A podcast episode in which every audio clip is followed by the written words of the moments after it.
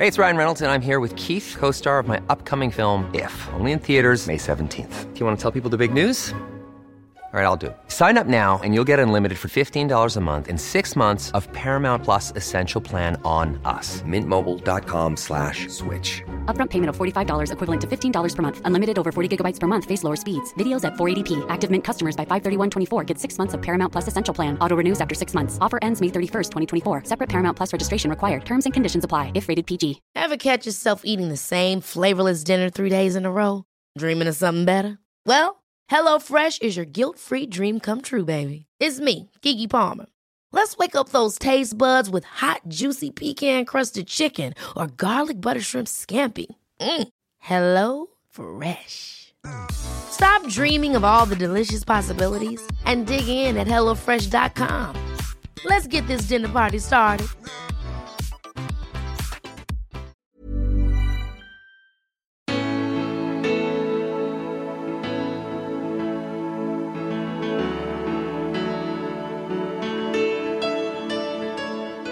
Och det faktum att folk bara Va? Kan man göra? Kan, kan man? Vad kostar det? Bara, ja, 1500. Eller om det är subventionerat av eh, mässor, events eller sådär bara. Va? Får man det gratis? Ja, ja, ja, ja jag ska. För du vet om någon... Tänk de som råkade ut för Cambridge Analytica. Det, är- alltså det är ju bara... Ja, jag vet inte. Det är sånt, sånt övergrepp. Det är lite som att någon skulle gå in och fotografera din bokhylla. Och, du vet... Jag vet inte. In och rota bland alla dina grejer i ditt hus. Och de sa att eh, ja, men vi ska bara lägga ett brev i din brevlåda. Och så får du fylla i lite frågor här så får du en 20. Ja gött, fair trade. Medan de i själva verket gick in och rotade igenom hela ditt hus. Och sålde all information om det till en, en köpare. Liksom. Ja, nu är det dags att ta ett steg in i framtiden igen. Eller som du kanske tror är framtiden, men som faktiskt redan är realitet. Tillsammans med Johan Österlund så ska vi utforska en värld där du och jag och alla andra bär ett chip inopererat mellan tummen och pekfingret. Med det kan vi betala, öppna dörrar och passera passkontrollen. I mitt och säkert ditt huvud så kommer det omedelbart upp mängder med frågor som rör integritet och säkerhet. Svaren från Johan är kanske inte riktigt de du förväntar dig. Här kommer företaget Biohacks grundare Johan Österlund. Johan Österlund, välkommen till podden Spännande möte. Tack så mycket. Du, eh, du är VD och grundare av ett bolag som heter Biohacks. Stämmer. Eh, och just nu så sitter vi hemma hos dig. Eh, för vi hade lite hantverkare hos dig som hade sån här inter, intervallträning i, i, i eller någonting sånt det hållet. Ja, men lite så. Disruption, eller interruption officers. För du impl- implanterar ju chip i människor. Eh, och det ska vi prata mer om strax. Men när man eh, kollar på det så... så eh, för en annan grej som jag får tänka på det är ju science fiction. Hur mycket science fiction eh, har, har du läst och kollat på ditt liv? Mm, Massa. Massa. ja, alltså jag skulle säga att science fiction, tv-spel och... Det är väl egentligen därifrån den barnsliga... ehm, den barnsligt höga aptiten för den här typen av grejer kommer ifrån egentligen. För det har alltid varit alltså från, från brädspel, rollspel, du vet att man slår tärning för cybernetics i, få ett bättre, få inbyggd du vet, kropps-GPS. Eller massa sånt. Jag tänkte bara, alltså hur bra hade det inte varit om man hade alla de här grejerna? Liksom om det bara fanns och man kunde uppgradera och liksom tweaka. Så att ja, men jag hade velat kunna se hela spektrumet. Vet, hela ljusspektrumet med ena ögat. Och sen ha ett biologiskt, om man säger ett, eko, ett ekoöga och ett lite mecköga. Och sen ställa tweaka så att kan se vanligt också. Men skulle det behövas så hade det varit fett att se allt. Du har hämtat mycket inspiration från, eh, från den världen. Alltså utan att egentligen veta det. Det har nog bara funnits med som en, som en naturlig utgångspunkt. Eller så att det är klart, tekniken finns ju. Och man vet hur man, hur man gör det. Så det, Eh, Det har aldrig varit en fråga om utan snarare när. Säga. Så första gången man fick... Eller, första gången jag chippade mig. Fick man en sån bara... Oh. Det där var... Och det var likadant för första gången jag piercade mig. Själv fick man också en sån där aha-upplevelse. Bara, Shit, det här, det här bestämde jag att jag skulle göra.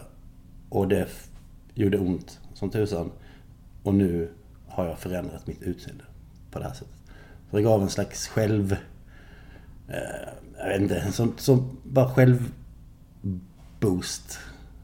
Men det här med science... Self assertion, nej. Ja, för du har ju hållit på med, med piercing. Det är någonstans där du, du har egentligen hållit på hela ditt vuxna liv. Ja, ja. Alltså, Vad, hur hamnade du in på det då? Um, ja, det var väl från första piercingen egentligen. Den, just den känslan av självbestämmande och ägande och just den kontrollen över kroppen. Jag bestämmer precis allting. Jag gör för att förändra och jag gör för att visa tillhörighet eller visa att man är lite annorlunda. Jag vet inte, någon, gjorde någon form av... Nej, nej, hur gammal var du då? Mm, nio, jag. Första piercingen var När jag piercade mig första gången. Var det liksom, fick du ha tillstånd från föräldrar då? Eller gjorde du bara? Nej, en gång, en gång fick jag, och då tjatat mig till att få hål i örat. Och det som, det som drev mig till att göra det själv var att smeden, vi gick in på eh, Eh, guldsmedsaffär. Bara tjena, jag har fått en 20 mamma ska pierca mig. Bara, ja, har du en kompis med dig? Nej. Nej, man måste ha en kompis med dig. Bara, Jaha, märkligt. Så jag hämtade en polare. Bara, häng med, jag ska, måste, jag ska hålla över. Du måste följa med. Ja, så fick jag sätta mig på en pall inne i verkstaden liksom.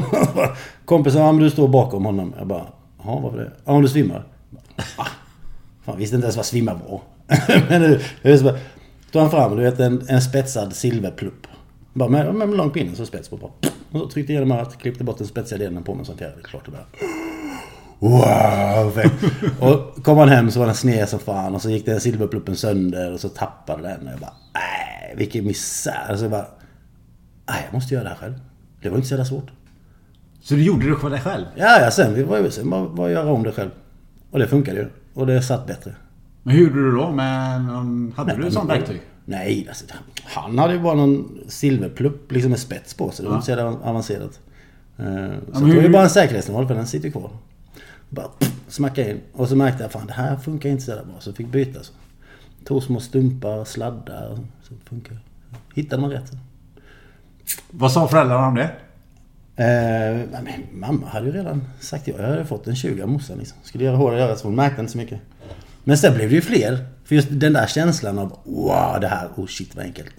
Så det blev väl en, eh, det blev lite kick.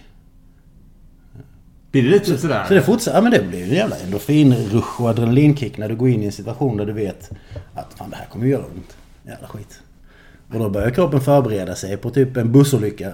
Men när du samtidigt blir positivt överraskad så blir du ännu mer bara wow. Och då, alltså, nej, hypat som tusan. Jag antar att det är därför folk fortsätter pierca sig. Är allting göra hål i kroppen någonstans? Kallas det för piercing? Eller är det skillnad på piercing och bara hål i örat? Nej, så hål i örat är också piercing. I, I ordets rätta bemärkelse så att säga. Ehm, sen finns det lite olika. Det finns ju transdermala som inte går igenom. De går ju bara in. Och subdermala som ju är under. Och det är väl där ehm, implantatet... Eller det är ju ett implantat liksom regelrätt. Eh, Det det inte är, är det är ingen medicinsk produkt. Ehm, och där håller vi på med certifiering och sånt där. Men det, är en, helt annan huvudvärk. Men du, du har hållit på och piercar då folk i nästan 20 år? Eller något sånt där. Vad, vad är den konstigaste piercingen du har gjort? Det går svårt att klassa dem som konstiga längre. Det handlar Eller mer om udda- under vilka udda handlar väl mer om omständigheter. Eh, det var ju- vi, vi höll ju på med suspension ett tag. Eller så, intresserade så det, det fanns ju ett gäng som... Suspension är som sol Sundance ungefär. Så indianerna, de satte senor igenom eh, bröstmuskeln så hängde de. Liksom från soluppgång till solnedgång. Eh, och riktigt så hardcore är det inte folk i regel. Men eh, just att suspenda, att eh, hänga upp med, med krokar liksom. För att, antingen rituellt eller för, för show, eh, för freakshows och, och för hobby, hobbygrejer. Jag har varit med om allt möjligt. Ehm, det låter, ju jättebisarrt för folk.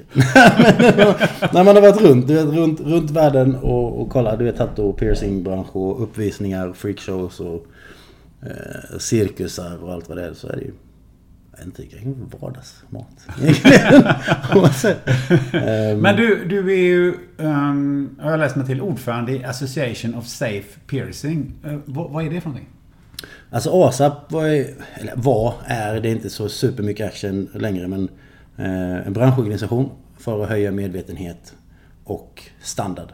För eh, höja ribban för alla inblandade liksom. Är det, var det nödvändigt?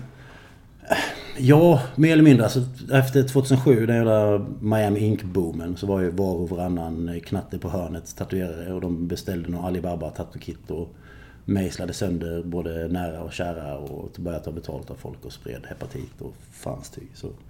Ehm, och de här organisationerna har varit aktiva långt innan dess.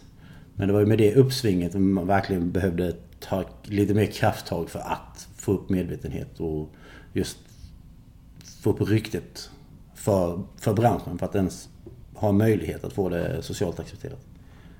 Ehm, men så 15 års arbete ungefär eh, varav jag var inblandad i eh, den största delen. Ja men sista decenniet lite mer det. Ehm, och det mynnade ut i en rekommendation. vi, vill ju ha, vi jobbade för, eh, för lag, lagstadgar. Så att det kom en lag på åldersgräns och att man reglerade lägsta standard för en piercinglokal, piercing och tattoo-lokal. Liksom. Men det kom en rekommendation. Har det med hygien och så vidare att göra? Alltså det är bara... Det enda som finns rekommenderat är att du ska ha eh, yrkes... Eh, arbetsplatshygienutbildning. Och det är liksom en två timmars kurs så det är helt bananas. Eh, och i och med att det är lite av en legal gråzon i Sverige så får du göra precis allting en läkare får. Men du får inte använda läkemedel. Vadå göra allt som en läkare får? kan, det är inte olagligt att operera brösten på någon. Om du är Kalle på hörnet liksom. Kom in här, fixa implantat, det är lugnt. Menar du det? Ja. Får inte, får inte administrera eh, läkemedel dock. För då blir det brott mot läkemedelslagen. Du, eh, men då. Plantera in chip i människor. Hur, hur kom du hur kom liksom på den idén första gången? Jag ska nog montera in ett chip i mig själv. Första gången man, första gången man tänkte på det var väl i Ghost in the Shell. Vad sa du? på sent 80-tal, tidigt 90-tal. Ghost in the Shell, det är en manga. Aha. Eh, där folk är... Nej men det är fullt naturligt att man är liksom bionic. Man har cybernetics för att underlätta vardagen. Och det är ett hyperconnectat eh, samhälle liksom. Eh, sen kommer ju Johnny Mnemonic. Han är med Keanu Reeves. Han är eh, datasmugglare. Mm. Sen är datakurir. Och det är så, jag bara, bara, jag var så tagen av den filmen bara. Åh, oh, can't wait. Tänk när det blir så här, åh vad fett. eh, när var detta? 95. Eh, sen 98 så finns det en snubbe som heter Kevin Warwick. Som gjorde ett eh, RFID-implantat i armen.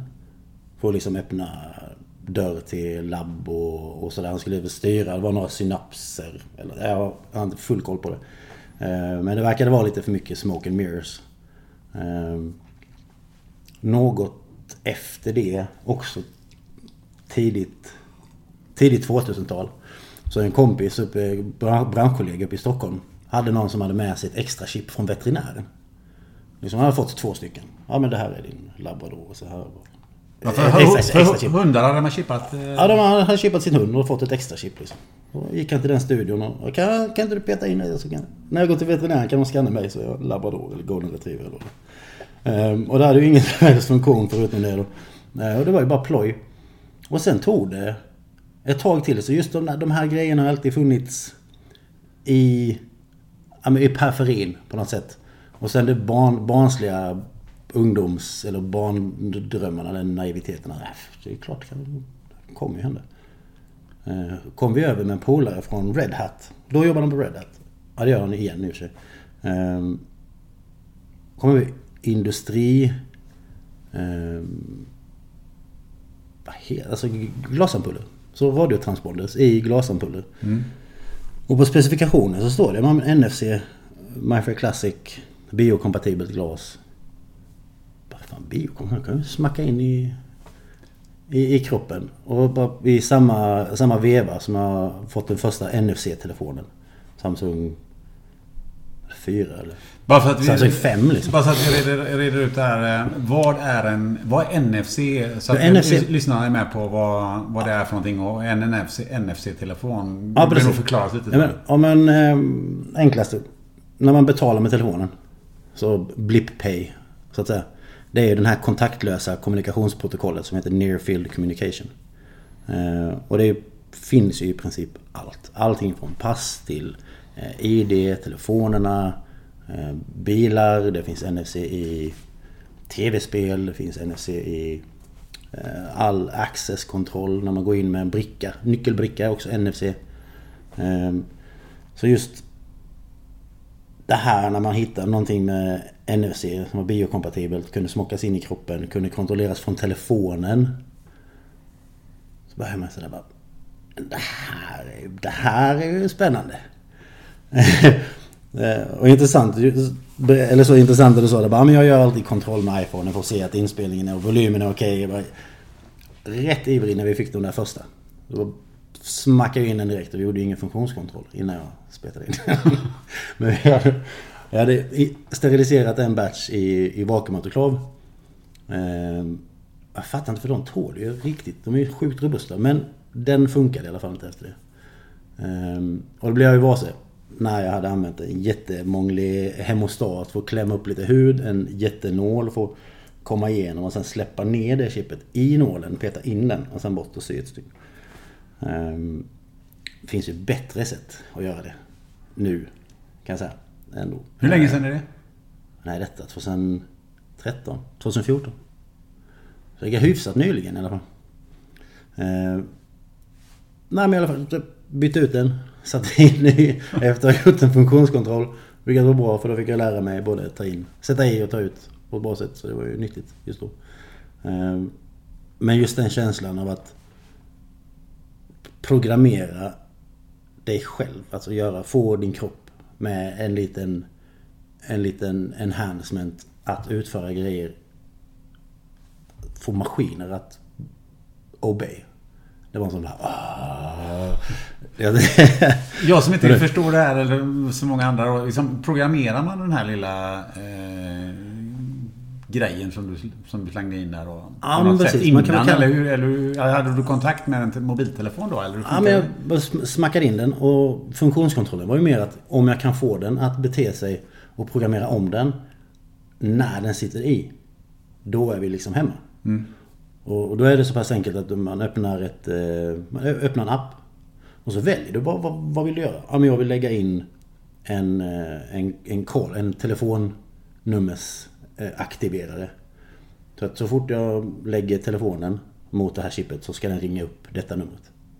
Ehm, och Så då- det fanns en app till det här alltså? Ja, ja, alltså det finns ju i och med att eh, NFC började komma ut i telefoner med Sony. Vad är det då? Det måste varit... Ja, det är ju i och för sig ett bra tag sedan. Men det slog aldrig igenom. Så de var, väl- de var väldigt tidiga på det men folk såg väl inte enkelheten och nyttan med det just då. Så det floppade eh, väldigt hyfsat. Men sen började alla telefoner integrerade för att man börjar kunna öppna dörrar med mobiler och så vidare. Och sen har det liksom sakta men säkert bara integrerats i allt. Nu, nu finns NFC verkligen i allt, överallt. Allt från transport till eh, boarding på flygplan, betalning, identifiering, eh, hem, eh, kontor. Alldeles sant. Okej, så du eh, satt... Eh, du, du kopplade upp den med telefonen då helt enkelt och så Ja, men talade du om programmera för den. den. Programmerade den och, och vad, vad, vad kunde den... Då ringde vad den. liksom det första den kunde göra då? En call trigger som ringde min fru. det var, ja, det var lite såhär publikfrieri. Så la den till handen och så bara blup. Bara doot. Och så började den ringa min fru. Så svarade hon inte. Nej. Eh, men det var, det var absolut första eh, jag gjorde. Och sen... Det var ju ganska mycket som parallellt bara halkade in med, med riktigt bra timing För bara, det kan inte ha varit ett halvår efter Så kom eh, nya direktiv från Skattemyndigheten att ja, men nu alla, eh, alla retailers ska vara NFC förberedda. Eh, 2015, 2016, någonting, någonting. Det betyder att alla skulle kunna ta emot kontaktlös betalning. Just för att direktivet efter kom att cashless, eller Sverige skulle vara cashless 2023. Och jag bara, oh, Och är det, här just är det initierat av Skatteverket? Nej, det är ju regeringen. Uh, antar jag. Antar det är väl de som... som eh, det är ingen, som, ingen annan som kan säga bara Nej. Sådär, nu ska vi börja med det här. Nu ska vi byta valuta. Nej. Men det, det var, oh, det här är döfett. Tänk NFC i allt, bara betala. Oh, det här kommer bli köpt av Google om tre veckor. Ehm, men... Um, ja, riktigt så var det inte. Men var det någonstans där du kände liksom att eh, nu ska jag ta och starta där, eh, ett företag som, som håller på med det här? Biohack startade dagen efter jag gjorde det igen. Då hade jag ingen som helst... Då hade jag ingen vision utan bara... En mission. Jag bara kände bara, nej det här... Fan vad fett. Den här känslan. Det här måste ju... Även, även om jag varit hysteriskt biased för teknologin och he, hela företeelsen av att få in någonting i kroppen som utför någonting åt dig. Ehm, och just att det var teknik. Det var inte fråga om vad kan jag göra med det? Utan det var bara, jag kan sätta i det. Därför måste jag. Därför måste Ja, men man måste pröva. Även om du inte hade kunnat någonting så hade jag sagt bara, men bara, chip i armen bara. Men du, så som du gör det nu, kan du, kan du beskriva det lite? Så hur, hur funkar det? Vad, hur, hur gör man nu om man vill sätta in ett eh, chip? Hur, hur gör du? Alltså det är som en... Eh, om du går till vilken mottagning som helst och ska ta ett blodprov. Fast det inte lika läskigt. Eller ett vaccin. Gå dit mottagning, mottagningen, du skriver upp, du legitimerar dig. Eh, du fyller i lite papper att du är frisk och att du... Du vet vad du gör och att du förstår vad det är. Eh, Bara in- informed consent egentligen. Och när man har gjort papperskröket så... Som ett vaccin. Var trycker man in är någonstans?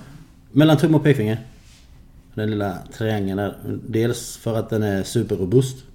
Nu är ju implantatet dyngstarkt redan. Men då har du eh, extra stöd och skydd från den strukturella integriteten av pekfinger och, och tumme. Liksom. Så det ska ju riktigt mycket till om det ska... eh, Det har aldrig gått sönder hittills så vi har ändå försökt. Kan vem som helst eh, chippa sig? Eh, ja, över 18. Det är det enda som krävs så att säga. Det, ja, alltså så vi, om du inte har några jätte... Um, alltså är det blå... Hemofili B. Och ja, det finns väl några blödarsjukdomar som är typiskt... Då är det väl typiskt dåligt att göra det. Men jag läste någonstans på LinkedIn att du har någonting där att det är någon sorts onboarding-process som Ja måste men göras precis. först. In, inboarding Eller rekommenderar inboarding. ju. Vad är det för någonting? Det är egentligen att man testar med ett klistermärke. Det är hittills ingen som har velat göra det. Vadå? Vadå? Nej, alltså man testar. Bara bli informerad. Som ett litet klistermärke. Som har en NFC-krets i sig.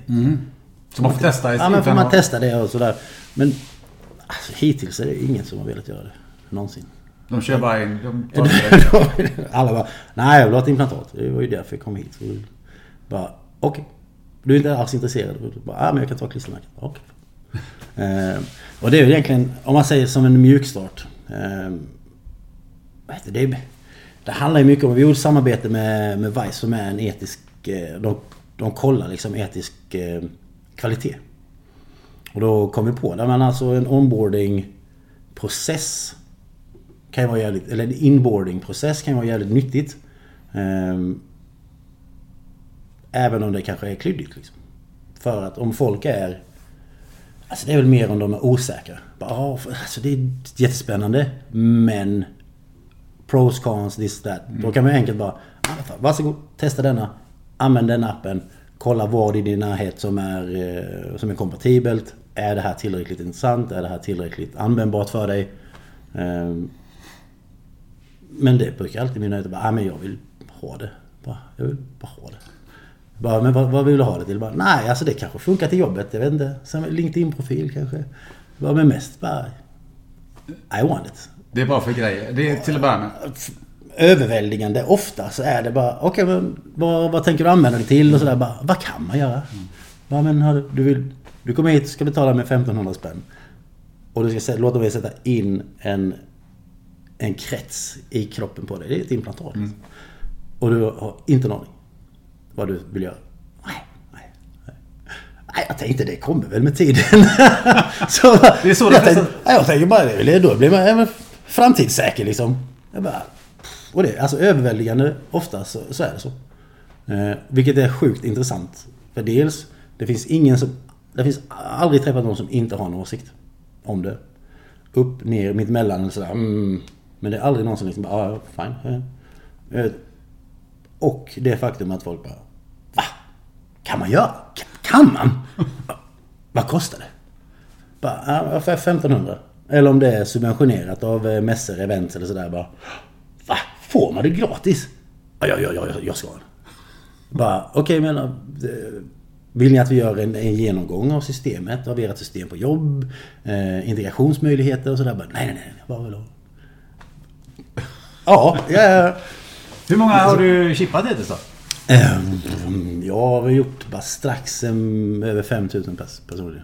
5000 personer. 5000 pers. Det är rätt mycket det. Det tycker jag inte. Det jag, tycker hade, jag du? hade hunnit med fler. Det hade du? Om jag inte hade så mycket att göra. nej, men, eh, nej, men vi, jag reser mycket mindre och är på lite mindre event. Försöker klubba de riktigt stora eventen. Ehm, sen är det ju att just bygga organisationen. Pappersarbete kring och försöka du vet, trycka upp och trycka fram och tvinga fram reglering. Och, och någon, någon form av ramverk. Reglerande ramverk som skyddar hela, hela konceptet liksom.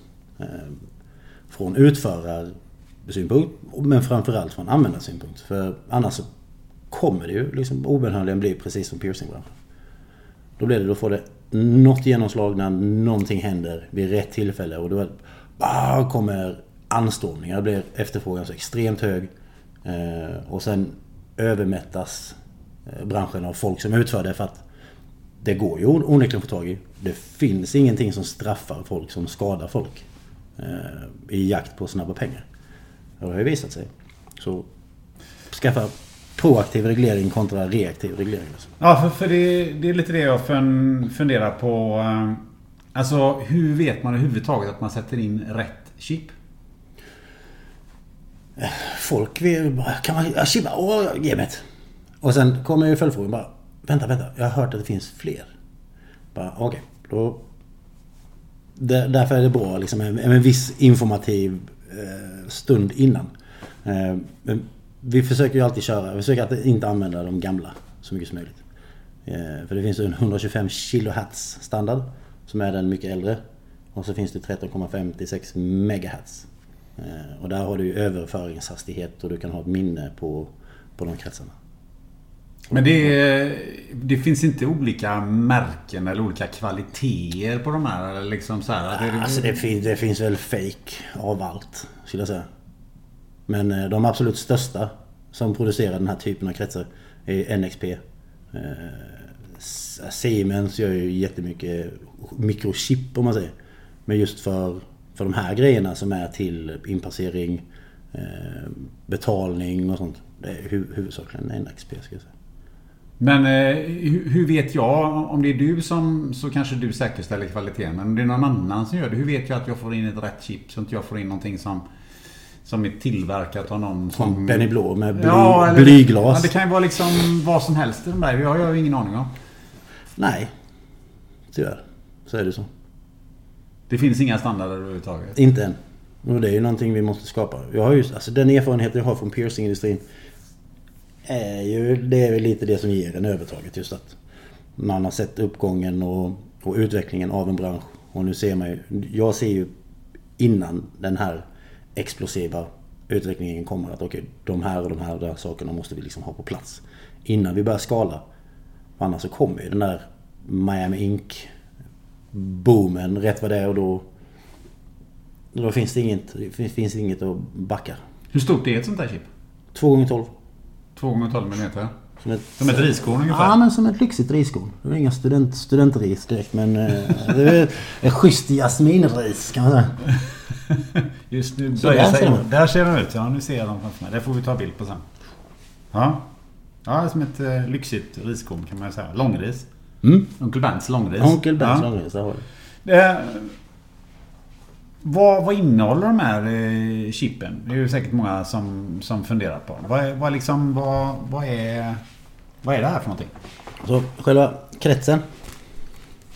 Det är bakom den här eh, lite mörkare, mörkare klistret.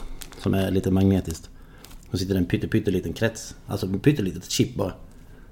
Till det så sitter en liten coilantenn och en metallpinne i mitten som ska liksom locka till sig induktion. Det är superrudimentär teknologi egentligen. Vad är det gjort av? Vad är det för... Är det metall eller? Ja, på insidan så finns det lite metall och lite silikon och sådär. Eh, Utsidan är helt gjord av biokompatibelt glas. Vad innebär biokompatibelt glas? Biokompatibelt glas betyder att det kan bo i kroppen utan att kroppen märker av det överhuvudtaget. Det bryts inte ner av kroppen heller? Nej, alltså vi är ju salina alkaliska köttpåsar så vi är inte så farliga. Det är väl I magsäcken så kan det vara tråkig, trå, tråkig omgivning. Finns det någon risk liksom att det utsöndrar eh, farliga ämnen eller eh, mikrovågor eller eh, sådana grejer? nej, alltså nej.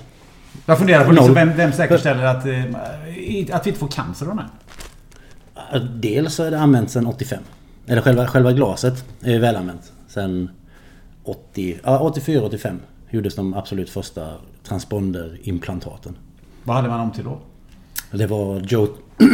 nej, Jerry Thunberg och hans eh, partner Joe something something. Som gjorde dem. Och då skulle de vara till kossor. Så de skulle användas i eh, däggdjurskroppar för att identifiera när de gick in. Liksom, så att det var automatisering. Men hade man, tidig början. ja, men vad har man för erfarenhet från människor att ha dem i människokroppen? Det är samma som däggdjur. Vi är ju alkaliska salina köttpåsar precis som... Men jag menar de här implantaten, var, slängde Just- man in dem i tidigare i något annat syfte än att... Eh, Ja, det 04 kom ju någonting som hette Verichip. Och det var ju lite för tidigt. vad var det för någonting? Verichip var ett, eh, ett ID-chip.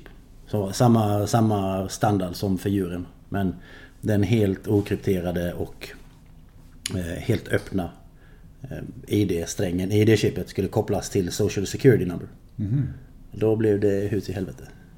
Så det gick sådär. Eh, Men det fick ju FDA approval.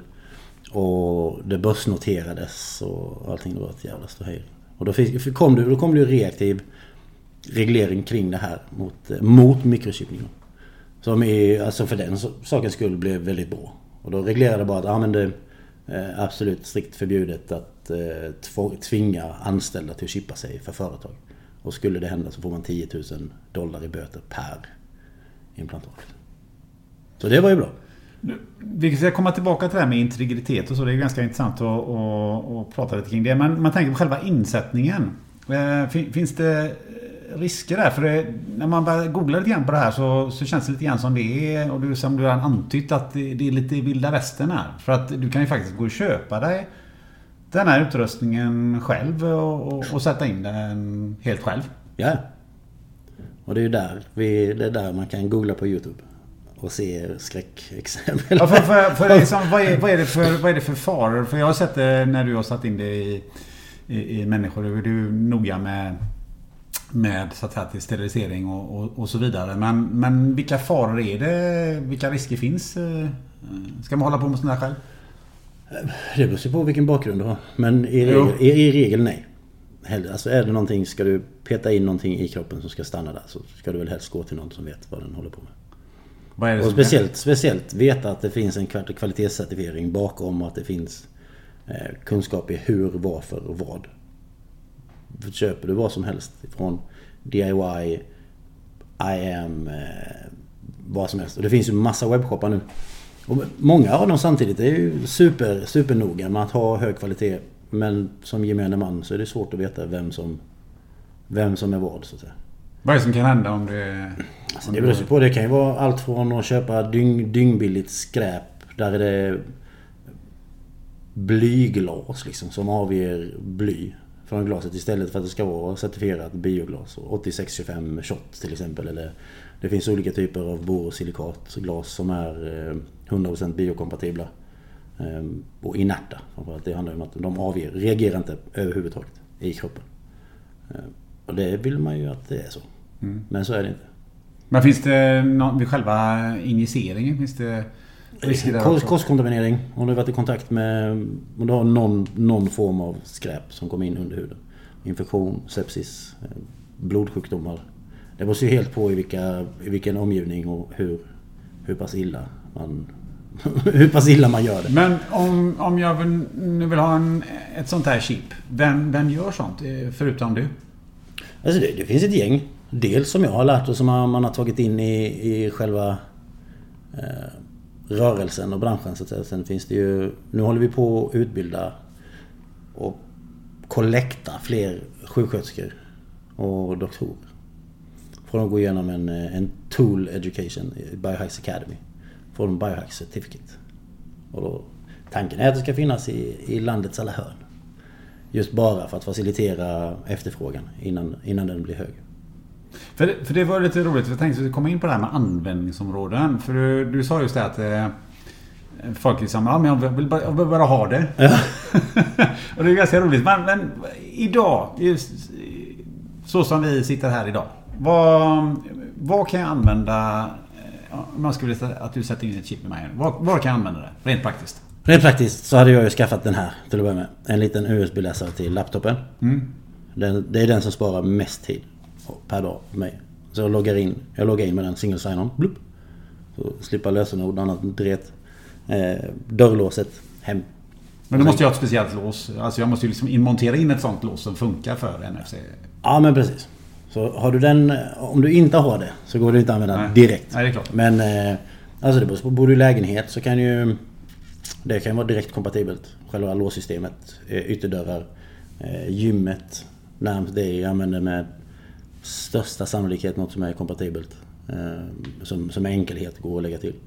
Men då går jag in på gymmet då och säger att är jag Jag vill, ha jag, vill ha, jag vill att den här representerar mig istället för det här kortet. Funkar era läsare med detta? Går du till läsaren? Blupp! Ja! den reagerar. Och då handlar det egentligen bara om att du byter kortets ID mot det ID du har i chipet. Eh, Och de grejerna håller vi på. Det är ju det vi jobbar med nu. Aggregerar alla de här typer, alla olika typer av tjänster. Lägga in dem i våran app. Så att du online, liksom första gången, när du får chippet, blippa och bara få upp en lista. Bara, "Ja, det här kan jag göra, men det här var intressant, det här vill jag ha, det här vill jag ha, det här vill jag ha, det här vill jag ha. Alltså knyta till er helt enkelt. Ja, de, de, som, de företagen som, som accepterar... Eh, eh, Ja men precis. Och erbjuda bara att du online bestämmer att ja, men de här grejerna vill jag ha. Boom. Och så faciliterar vi att kontakten går ut till tredjepartsproviders. Och då med ett, ett litet blipp så är du antingen om man är klubbmedlem eller eh, får entré och passage eller eh, låna böcker, lånekort. Det kan vara vad som helst egentligen. Men det är så, så som det är idag. Om vi säger så här att du, ja, du kan öppna dörrar och du kan eh, datorn här och, och, och så har du på något gym. Vad Finns det några andra så här som jag sagt men där kan du använda det direkt? SJ, nu har jag för mig att de har precis lagt ner. Men då var det innan var det bara att ladda ner deras SJ Labs. Blupp, knyta ditt eh, SJ Prio. Sen kan du bara blupp, åka tåg. Tunnelbana? Nej, inte än. De har vi jobbat på länge. Men där slutade vi för de bytte system. Men där kommer det ett eh, ett nationellt biljettsystem. Ja just det, det har de pratat om va? Att i alla, all lokaltrafik ska komma ett nationellt. Bob-standarden. Och då kommer man att kunna... Får verkligen hoppas. Men är det något annat, är det något annat som, som du kan säga så här, ja men sätt in det här nu så kan du, kommer du kunna göra det här också? Alltså det är digitalt visitkort. Och in case of emergency grejer. Som den här rackaren till exempel. Scanna, Mediscan heter det. Och då får man allergier, administrate, in case of emergency, försäkring och så vidare. Så man kopplar en, en app som heter Mediscan till... Eh, Ja, det här är uppgifter du lägger till själv. Okej. Ehm, Så det är ju en slags in case of emergency. Men där är man ju ganska beroende av att folk ska veta att det finns. Och där, det handlar ju rätt mycket om hur många användare finns det? Vilka användningsområden finns det? Så nu är vi liksom... Nu bollar man ordna användningsområdena under tiden man sakta men säkert skalar eh, användarbasen. För att de ska gynna varandra. Men innan man når critical mass så vill vi ändå ha reglering och någon form av eh, ja, men början på någon, något regelverk eller någonting. Så det är eh, försöka jonglera allihopa. Man blir lite yr i huvudet men det funkar. Det mest intressanta som säkert många ställer sig frågan kring det är ju Kan jag betala med det? Eh, closed loop ja. Vad menas med det? Så closed loop betyder att du har eh, någon form av förbetalt. Så att det är förbetalt. Så det bara, du identifierar dig och eh, authenticatar ditt konto med chip.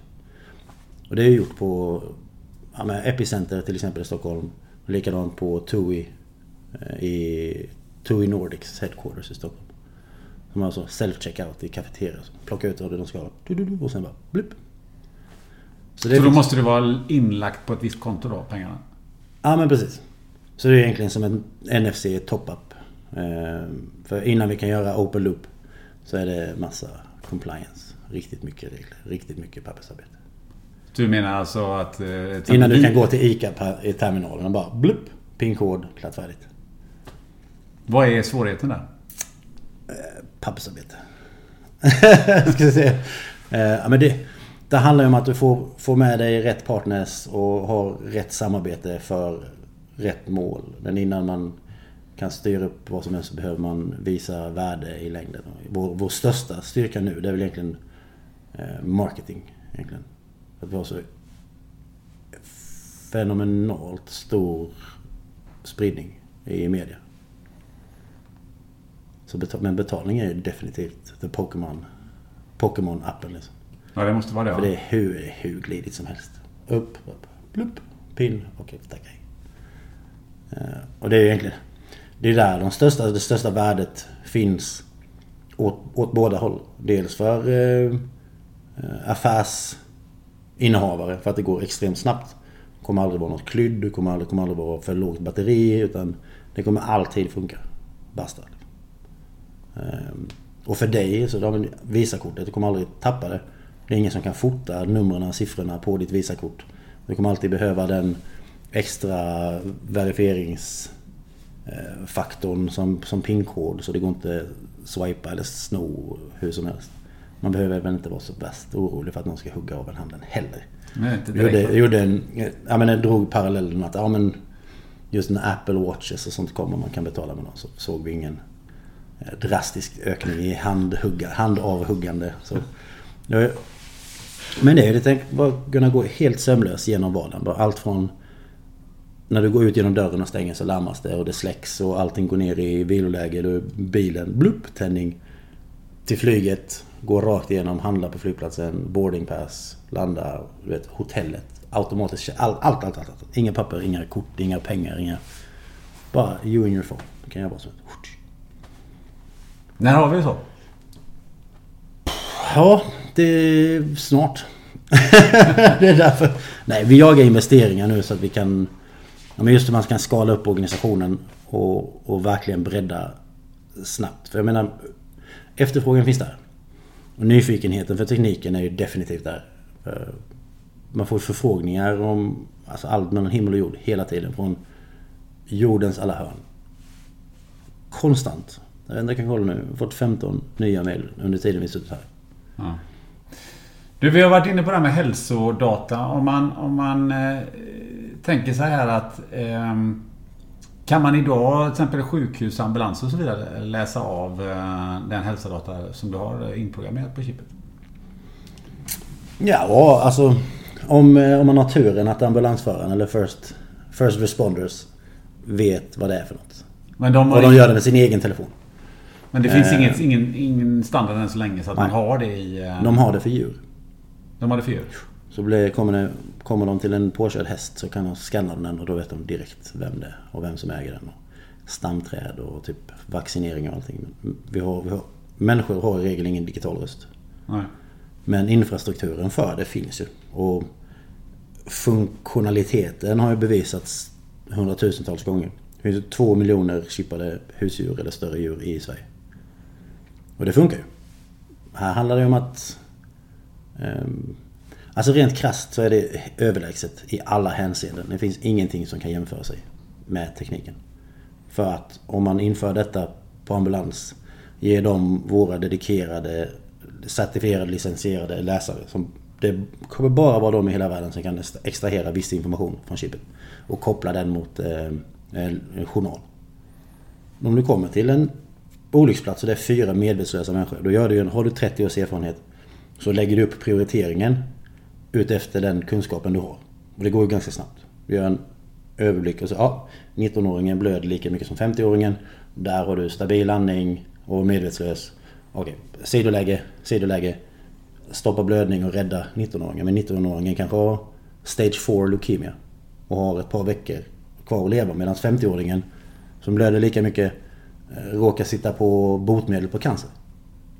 Det är helt, helt omöjligt att veta utan bakomliggande information. Kan man göra det här på en sekunds blub, blub, blub, blub, då kan ju ett bakomliggande system direkt visa att det här är den optimala behandlingsåtgärden för dem. Samtidigt som försäkringsbolag, Next in Kin blir kontaktade i realtid och under tiden sjukhuset förbereder sig för att behandla efter bästa möjliga förutsättningar så har man liksom gjort rätt prioriteringar i enlighet med kontraindikationer som kan vara medicinering, nuvarande medicin, allergier och så vidare. Och så vidare. Jag menar det är hur många som helst som dör av att de får morfin. För att de, man, man tror att de har så ont så de kan inte kommunicera. Fan, har smält dit ordentligt och knäskålen är på andra sidan benet och lårbenet av. Det är inte så jävla lätt att snacka då. Nej. Och då vill jag smacka in morfin pronto för att kunna du vet, samtala. Men då får de anafylaktisk chock och dör istället. Det händer ju dagligen, är väl att överdriva men just den typen av scenarios visar ju bara sånt extremt värde i att ha något så litet. Och där handlar det mer om att okej, okay, hur informerar man om säkerheten bakom det här? Okej, okay, systemsäkerhet både fysisk och digital. Ehm, men, men rent, rent krasst helt ojämförbart. Med något annat som finns idag. Så det handlar ju bara, det, det bara, handlar bara om tid. Kan det till och med vara så att eh, om du har någon, någon sjukdom som du eh, normalt sett kanske ligger inne för men, men som du kan faktiskt också vara hemma med. Att det finns någon som kan kontrollera dig. Alltså jag tänker på... Eh, istället för att du behöver ha övervakning. Eh, du kan ha övervakning på distans. Ja då snackar vi ju aktiva, aktiva chip i så fall. Men jag skulle vilja i så fall... Hmm, alltså det går ju att bygga vad som helst. Om man säger. Så handlar det om eh, remote monitoring av, eh, av vital data eller någonting. Exakt samma sak som pacemaker. Mm. Det handlar bara om att ja, men då sätter vi andra biomarkers istället för Istället för puls, temperatur eh, och tid mellan slagen. Ja men så sätter vi tio olika molekylsensorer istället. Så man monitorerar vad det, vad, det nu är du behöver veta. Finns, finns eller inte finns. Du var inne på det här med, med, med säkerhet då. Um, vad, hur säkert skulle du betrakta ett sånt här chip? Vad ska du göra liksom? Ja, det, är det för betal? Kan det hackas till exempel? Allt kan hackas. Allt kan hackas? Allt. Alles. Det finns ingenting som är unhackable. Um, men vad ska en hacker kunna göra med den datan som finns i ett sånt här chip? Ingenting egentligen. Om du inte... Alltså... Det man, det man inte ska lämna ut på en publik del av ett NFC-chip. Det, det, se det som ett... Um, det, det, du vill dela med dig av. Helt öppet och publikt. Liksom. Det är visitkort, digitalt visitkort. Uh, det här är mina kontaktuppgifter. Det här är min LinkedIn, Facebook, whatever. Kanske också... Um, jag har ett svagt hjärta. Min hjärtmedicin är most likely i vänstra jackfickan. Vid händelse av någonting så ring min fru eller min bror eller faster eller moster eller vad det kan vara. Det är ju den typen av information som jag hade gladeligen hade delat med mig av. I vilken händelse som helst. Liksom. Eh, men handlar det om betalning och sånt där. Ja, då är jag inte så sugen på att någon ska veta min pinkod till exempel. Mm. Men det har man ju, det är sällan du har din pinkod på en post-it bak på Visakortet heller.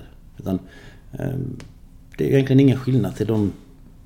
Till vad det ser ut nu. Eller till hur det ser ut nu. Utan de olika... Dina olika tokens är kopplade till olika system. Som, som sköter processen så att säga. Ehm, och det är ju ingen skillnad nu. Utan det, chippet kommer alltid bara vara nyckeln. Eller katalysatorn till processen.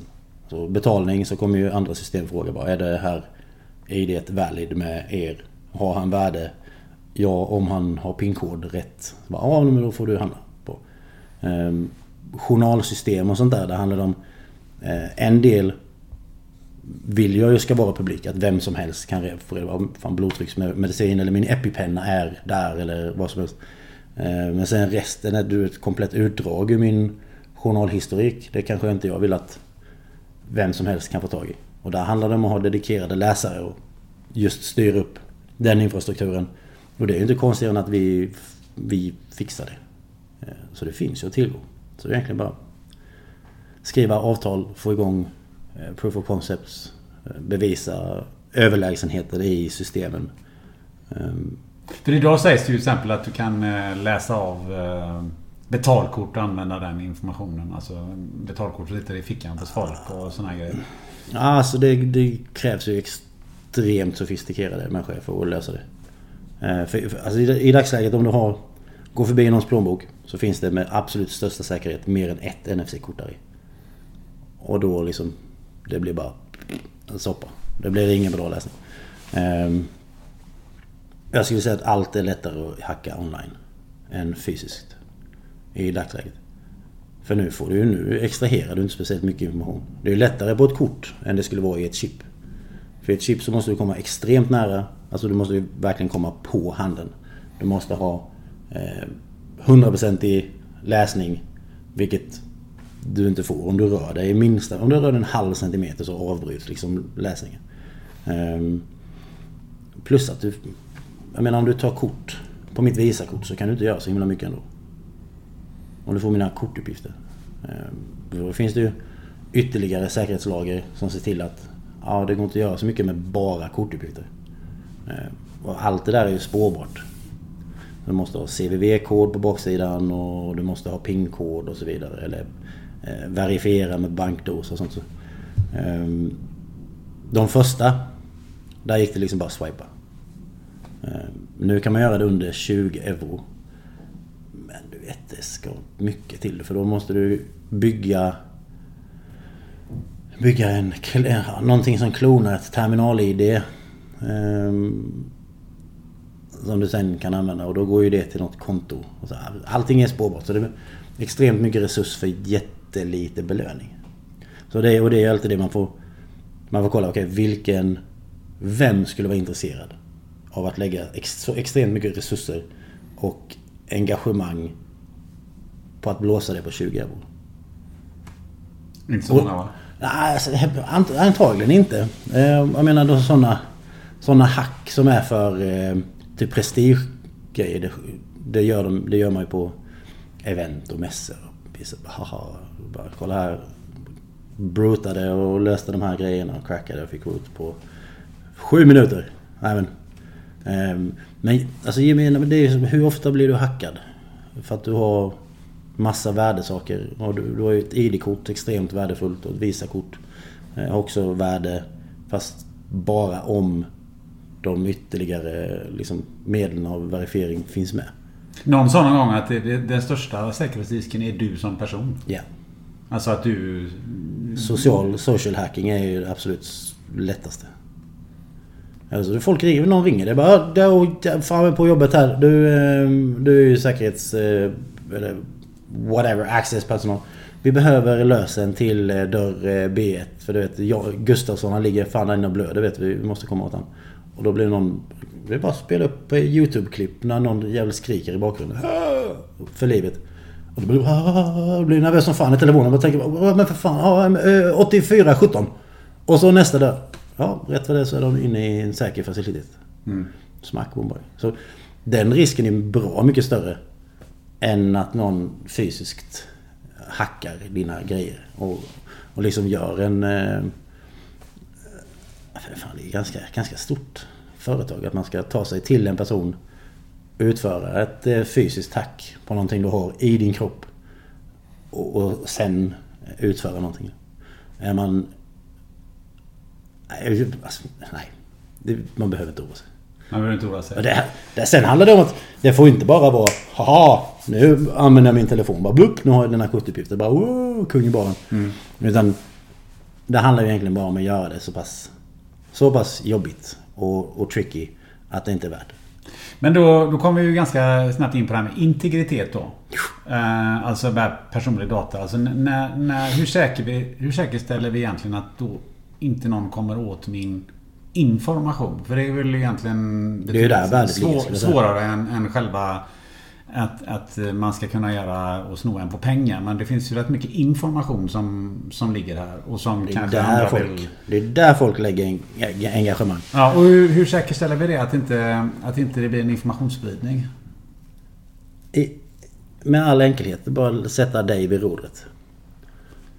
Du får bestämma vad som händer med din data och hur den distribueras. Om den distribueras och vilken typ av data du är villig att Men hur mycket kontroll har jag på min data då? Idag? Noll. Ja. Ingen men, alls. Nej, men hur förbättras det genom att jag sätter in ett chip då? Det är lite det inboarding-grejen är, är menad för mycket också. Det är just det här, okej vad händer nu? Jo, ja, men nu har du registrerat dig i våran, eh, i våran app. Nu har vi din e-mail. Om du vill dela med dig, om du vill att...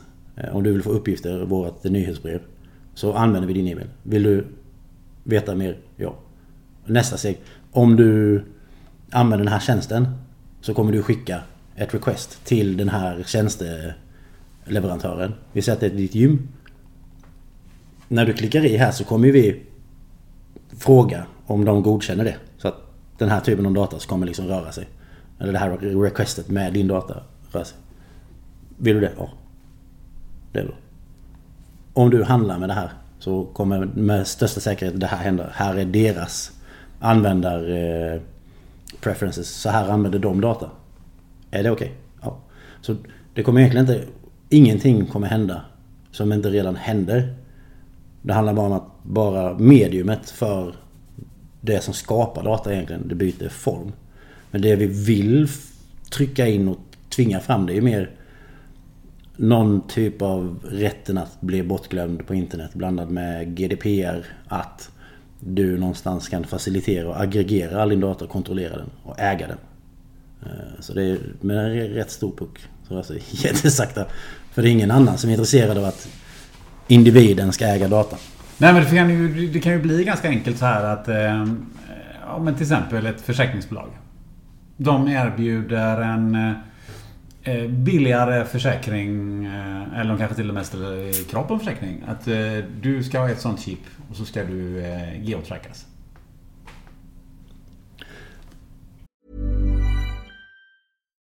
Here's a cool fact a crocodile can't stick out its tongue. Another cool fact you can get short term health insurance for a month or just under a year in some states. United Healthcare short term insurance plans are designed for people who are between jobs, coming off their parents' plan, or turning a side hustle into a full time gig. Underwritten by Golden Rule Insurance Company, they offer flexible, budget friendly coverage with access to a nationwide network of doctors and hospitals. Get more cool facts about United Healthcare short term plans at uh1.com. Ever catch yourself eating the same flavorless dinner three days in a row? Dreaming of something better? Well, HelloFresh is your guilt-free dream come true, baby. It's me, Kiki Palmer. Let's wake up those taste buds with hot, juicy pecan-crusted chicken or garlic butter shrimp scampi. Mm. Hello Fresh. Stop dreaming of all the delicious possibilities and dig in at HelloFresh.com. Let's get this dinner party started. Hey, it's Ryan Reynolds, and I'm here with Keith, co star of my upcoming film, If, only in theaters, May 17th. Do you want to tell people the big news? All right, I'll do. Sign up now and you'll get unlimited for $15 a month in six months of Paramount Plus Essential Plan on us. Mintmobile.com slash switch. Upfront payment of $45 equivalent to $15 per month. Unlimited over 40 gigabytes per month. Face lower speeds. Videos at 480p. Active Mint customers by 531.24 get six months of Paramount Plus Essential Plan. Auto renews after six months. Offer ends May 31st, 2024. Separate Paramount Plus registration required. Terms and conditions apply if rated PG. Då börjar vi komma in i en ganska hemsk dystopisk framtid. jag, har svårt, att- jag har svårt att se det hända i något utvecklat land i världen faktiskt. Men om... eh, Eller man eller säger så här, man gör mikrobetalningar. Man betalar till försäkring beroende på var man rör sig någonstans. Rör du dig i farliga områden så får du betala mer. Du åker skidor nu, ja men då får du eh, betala lite mer eh, under den veckan. Ja, fast det kommer, alltid, det kommer alltid vara upp till dig. Liksom om, om du har, dels om du har ett mikrochip. Om du ansluter det till vissa tjänster. För de kan ju se det via ditt Visakort var du befinner dig, var du, var du handlar. Och det är den typen av trading av data som redan försiggår. Som inte du har någon aning om. Där handlar det bara om högstbjudande. Vem betalar mest för vilken typ av data? För att så fort du börjar använda en tjänst, let's say Google och Facebook, så är du rökt. Du äger ingenting av din data. Whatsoever. Du har gett bort din digitala själ. Ehm, Det är nästan värre. det... Om... Alltså... Jag tycker det... Alltså värdet de genererar, det är ganska, det är ganska neat. Det ger mig jätte... Alltså, I enjoy it. Men jag tycker inte... Det är not fair trade. För där är det verkligen... De ger dig eh, en plattform för kommunikation medan de tar dig på allt. Så dels så får du betala jävligt dyra pengar för att skapa data. Via telefon eller laptop. Och sen är det någon annan som tjänar pengar på datan. Så du får, det är som att, gå, det som att betala arbetsplatsen för att jobba lite. Men det, alltså, det här, det alltså vänder vi på det som vi vill så blir det där en passiv inkomst istället. För äger du datan så är det du som kan tjäna pengar på den. Så att vara eh, plattformen där du kan facilitera och, och kontrollera datan samtidigt som att du kanske vill trada eller sälja eller byta med data. Ehm, så skapar du någonstans base pay, alltså grund, grundinkomst. regel. Och det handlar, borde ju vara en grundläggande mänsklig rättighet att du äger all din digitala data. Det är som att... Ja, mitt namn. Jag äger ju inte ens mitt namn. Det är ju inget... Vem som helst kan ju ta det. Men eh, om vi säger så här att eh, om Google skulle erbjuda dig eh, gratis eh, chip i handen. Mot att du eh, delar eh, lite mer information. Skulle du säga ja till det? Nej. Men om, om, om, vi, om vi säger så här då Google... Eh, Om Google gav mig 2 500 i månaden och en laptop och en telefon. Ja, eller säg så här att Google eh, i framtiden har en massa autonoma bilar överallt. Så Mm. säger de så här att om du chippar dig så får du låna en Google-bil var du vill i vilken stad som helst gratis. Då tar vi all, all information som du har. Det är, fort, det är fortfarande ett bättre trade än det idag. För idag så tar de all den informationen basta. Och du får ändå betala för telefonen och bilen och resten av tjänsterna som de faciliterar i bilen. Men de ser till att du betalar först. Sen tar de all din data också. Men får de inte mer data om, de, om du har ett chip i handen? Nej. Det är samma. Ja, ingen skillnad alls. Utan du har ju redan betalat med din data, vilket är ditt kreditkort. Du har redan gjort det via deras plattform där du har skrivit på I accept terms and conditions. Där det står i... Som ingen har läst igenom. Så du inte klarar att läsa igenom. För att det är inte meningen att du ska kunna det. För det kräver en halv armada av IP litigation lawyers som kan tolka okronologisk grekiska liksom. Så vad du egentligen säger är att eh, vi ger redan bort allting idag så att vi kommer inte kunna ge bort så mycket mer om vi har ett chip. Nej, alltså det, nej. Det handlar väl... Du kanske blir väldigt, väldigt mycket mer restriktiv om du har chip. Och då börjar man liksom från base level bygga upp kunskap om precis hur mycket din data är värd. För det blir... Alltså det blir en, hel, det blir en annan sak bara. Du, du har 20 disconnected tokens av, för identitet och, och värde och olika typer av data idag. Du har det här kortet, du har medlemskortet, du har betalkortet, du har eh, ditten datten och, och katten i hatten och pengar och papper och fan vet allt. Ehm, och det är egentligen exakt samma sak. Men tänker mig inte eh, två gånger på att dra det kortet eller använda det för att få 10% rabatt eller eh, gå in med din e-mail så får du gratis wifi. Folk, nej, det var ja. Nej, men det, för, för, det har alltid varit så. Lägger du till den här lilla spelpjäsen att fan chip i handen va? Vänta nu. Nu har, jag ett, nu har jag ett chip i mig. Vad händer om jag använder det här? Ja men då kommer någon vilja använda din data. Ja men det vill inte jag. Nej, men då, då behöver du inte. Men då, då ser det ut så här. Då får du gå den här vägen och då äger du all din data men du kommer fortfarande åt tjänsten. Eh, Det som tillägget blir, du får betala 7 spänn i månaden för att använda den här tjänsten. Bara 7? Fan, det är inte ens 100 spänn om året. Ingenting. Och jag får behålla min data. Så det är lite den convenience-grejen att Facebook och Google har gjort exakt samma sak. What if vi lägger till den här tjänsten om du delar detta inlägget med alla dina kontakter. Lätt! Lätt! Gratis! Bara... Wow, hela, hela adressboken. Boom! Gött! Nu får jag rita och lägga bilder på min vägg på Facebook. Och sen har de bara suc- successivt gett du vet, små, små pruttar för att få mer och mer data och inskränka mer på integritet och vardags privacy. Och det, jag menar, det, har ju varit ett byte men det har varit successivt. Och i, i, i dagsläget så ingen läser terms and conditions. Nej. Bara, do you agree? Bara, yes! Försvinn! Bara, okej, okej, okej, okej, okej, okej. Så att man har kunnat sälja hus och hem liksom utan att ha den blekaste aning. Finns det ju kontraktslag så man kan inte bara upprätta kontrakt hur som helst som tur är. Men jag menar lagen drabbar ju inte dem i regel. De är långt, långt över lag och social conduct. Du, men om vi säger så här om det finns då företag som, som eh, tvingar eh, sina anställda att chippa sig. Det hade vi aldrig gjort affär med. Nej men det verkar ju inte vara speciellt svårt med tanke på det vi sa innan. Att då går vi bara till någon annan. Men det jag vet, det är ju olagligt. Det är ju... Ja men det kan, om vi säger så här då att man, man kanske inte kan tvinga dem på det sättet. Men man kan ju säga så här att eh, man kan hålla på med ett indirekt eh, tvång. Ja men du får inte tillgång till den här delen av företaget om inte du eh, har chip. Du får inte den här typen av jobb. Till exempel. en diskriminering. Ja men Nu är då vi, kan- nu då är vi, ja men, men ja, om ifall att. Och då är det, då är det samtidigt det där att då måste vi just de, den typen av ställningstagande och just den typen av reglering och legislering. Det är det vi måste lösa nu. Innan det kommer till det. Jag menar om du ser internetanvändningen, hur den började och hur hur folk egentligen inte... Eller så, man, man tänker inte på det. Man tar det för givet att... Ja, det är ju klart att de skyddar min data. Jag använder ju deras tjänst. Det är ju klart att de tar hand om de här grejerna. För att kunden har alltid rätt. Du vet, och då, man invaggas ju i en, en, en falsk trygghet för att nu är ju vi så pass... Vi har ju så pass tur i Sverige, Skandinavien, Nordeuropa över, överlag att vi har ju ganska högt trust till regering och, och etablissemang och myndighet. Eh, med all rätt oftast. Eh, Medan andra inte har det.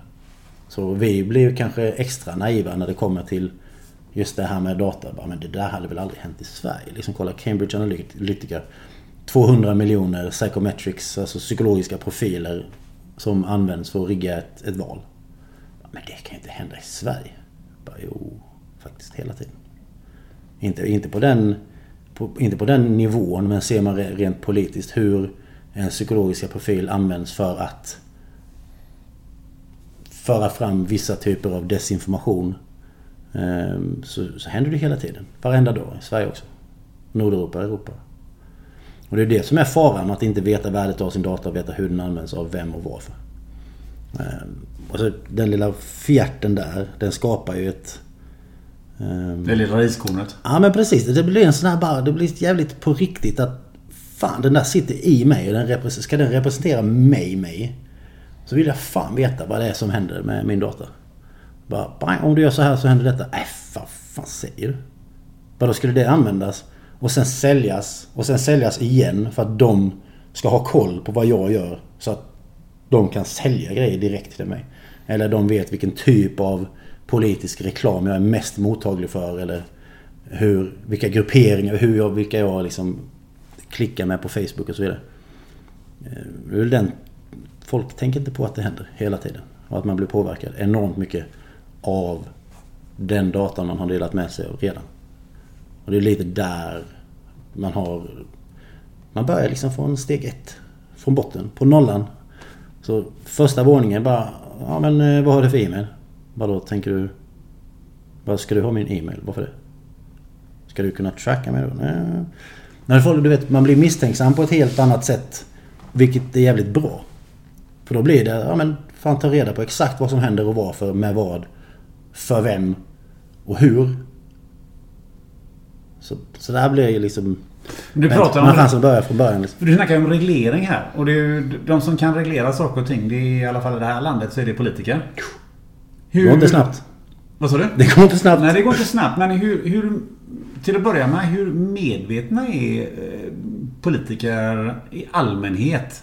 Gå aldrig till en politiker. Jag får gå till deras pressekreterare. Det är de som har... Jo men alltså, men vad, vad är medvetenheten hos, hos... För det här är ju teknik som, som ligger extremt långt fram. Det kom, kommer förmodligen gå extremt fort den dagen det, det börjar att och, och växa Alltså, då får man dela in-. Alltså liksom, och, och, och du säger så här att ja, men vi måste göra regleringar innan dess. Eh, Det kommer ju ta... Alltså ska du göra en reglering av det här så kommer det ju ta fyra år i bästa fall tills du har lagar och reglering på plats. Och då lär det ju se- världen Så kommer det se annorlunda ut. Ja. Så det är hur- klassiska... Klassiska... um, Byråkratin kommer alltid vara efter utvecklingen. Men hur, hur, det här kommer ju vara extremt fort och det här är extremt nytt och jag, jag hade inte hört talas om det heller eh, innan. Jag tror att det är många, många, många människor som aldrig hört talas om det här. Ehm, och sen ska det medvetandegöras i, i politiska led och sen ska någon börja ta Hallå, vänta lite här nu. Nu ska vi ta och skapa lite regler och så blir det en debatt om det och så tar det hur, hur ska man skapa de här reglerna? Hur, hur, hur medvetna är politikerna eller omedvetna är de idag? Har du någon uppfattning om det? Alltså jag skulle säga att politikerna i, i regel är jävligt omedvetna. I alla fall karriärspolitikerna som utgör den största delen av Rosenbad tyvärr. Har du pratat med några politiker om det? Jag har faktiskt, vad hette hon då? Eh, vi chippade eh, ordföranden, SJs styrelseordförande och Miljöpartiet, vad hette hon? Eh, trafikutskottet. Eller? Ja, Eh, okej. Och då blev det liksom som, som hastigast. Men det är faktiskt den enda politiska... Eh, det enda politiska engagemanget. Just där. För det här handlar det egentligen om eh, Socialstyrelsen och att tvinga fram någonting genom typ miljö och hälsa. I och med att det är en hygienisk verksamhet. Då kan man gå den vägen upp och sen då kommer man till eh, Socialstyrelsen. Och Socialstyrelsen hanterar ju mer eh, men folk, skydd åt folket. Så att ja, men, du vet, olika typer av verksamheter måste hålla en viss standard för att få, få finnas till. Eh, så det är väl den kortaste vägen rent politiskt men där tar det också faslig tid. Men jag skulle säga kortaste vägen hade ju varit med det, som alltid, media. Vi har miljarder i räckvidd bara senaste året. Närmare 2000 artiklar som skrivit, skrivits i år. Eh, så det är den vägen man får gå. Man får locka in dem med publicitet. Ja, men du sa att man behöver skapa regler. Hur, hur skapar ni regler för det här? Eller- Alltså vi håller ju bara... Där handlar det bara om att vi skapar en, en hög standard och benchmarkar den. Och sen får man ju shamea alla andra som inte håller så hög standard. Det blir ju en slags... Alltså det blir en slags... Eh, brandkontroll. Att i och med att vi är de mest synliga i hela världen. Total global dominans när det gäller det. Så ja, får man ju berätta att ja, men så här ska man gå tillväga. Allting, allt mindre än detta det är liksom det, det går fet bort. För då riskerar du att X, Y, Z.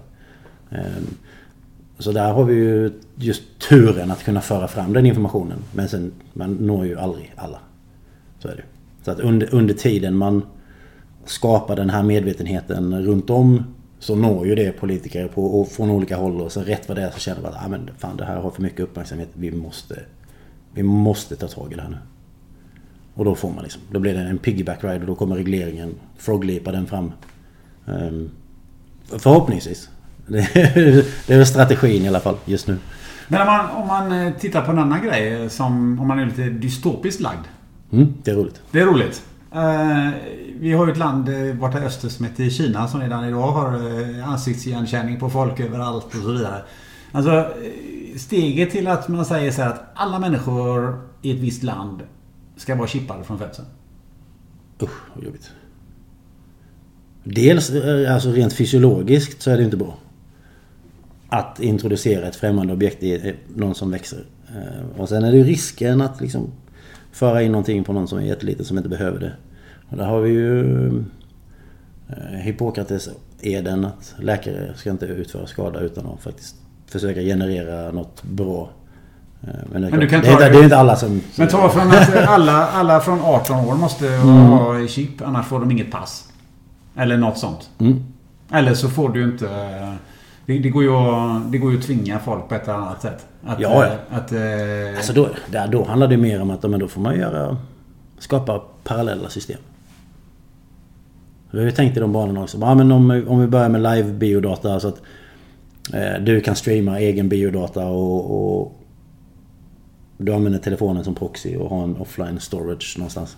Vad händer om försäkringsbolagen kommer åt den datan och de ser att du dricker två flaskor vin om dagen och äter fan bara rött kött och pommes. Mm. Ja, då går nog premien upp. Mm. Men då skapar du ett jättemarket gap där... Ja men då går ju bara någon in och skapar en flat rate. För försäkring. Så då, så du, då har du skapat affärstillfällen. Nej, men, så det finns ju alltid re, motreaktioner på, på allting. Och jag tror att hade det blivit... Eh, vilket jag hoppas det fan aldrig blir alltså. Eh, hade det blivit mandatory att chippa sig så hade det skapats liksom parallella system där du... Ja, men du använder det här bara om du behöver resa utomlands någonstans. Allt annat så har du liksom auxiliära. Och då blir det nog anti-tech så att det blir low-tech istället. Ja, då har du kanske klonbara kort. Som stoppar i fickan. Och som du använder i olika... Så du har en, en pseudo-anonymitet. Så men det går, det går... Det är som ansiktsigenkänning Ja men då tar du på dig en tröja som, eh, som ger eh, facial recognition algoritmen jätteproblem. Så det finns det liksom på, på det sättet som kameran eller som systemet avläser punkter i ansiktet på folk. Ja, då finns det 360 sådana punkter på en tröja. Som Få den att tro att det är liksom 27 ansikten. Ehm, så det finns ju alltid... Ja, det finns vägar kring allt liksom. Ehm, och det handlar väl bara om att vägen, vägen fram behöver pavas ordentligt. Så för att se till att makten handlar hos, hamnar hos användaren. För användaren just användaren är med och skapar och, och se till att det växer på rätt sätt. Men vad, om vi tar det lite mindre dystopiskt då. Vad, vad, tror du händer de närmaste fem åren i den här... Hur ser det ut om fem år i den här eh, utvecklingen? Hur, hur många har chippat sig och hur, hur spritt är det? Och vad, hur ser världen... Hur ser chipvärlden ut då? Tror vi, du? om fem år så kommer vi ha gjort i alla fall fem miljoner implantat. Eh, så vi som brand eh, har fem miljoner i Europa. Någon närmare en miljon i Sverige. Eh, närmare en miljon i Sverige? N närmare en miljon i Sverige. Det tror jag. Du tror alltså att det är en miljon människor som har chippat sig i Sverige om fem år? Ja. Vad, det där låter ju väldigt mycket med tanke på att det är 5000. Det är skitmycket! vad, vad baserar du det på? Eh, jag kan inte berätta allt. Nej, men du får men berätta det, det, du kan berätta. Eh, det är ju just att e- ersätta plånboken, nyckelknippan och skapa det här liksom, ekosystemet. Det är ett sömlöst ekosystem där du kan bara röra dig helt friktionsfritt. Allt från hem, smart home till smart office. Och allting idag är ju egentligen det är ju NFC förberett använder passerkontroller och sånt där.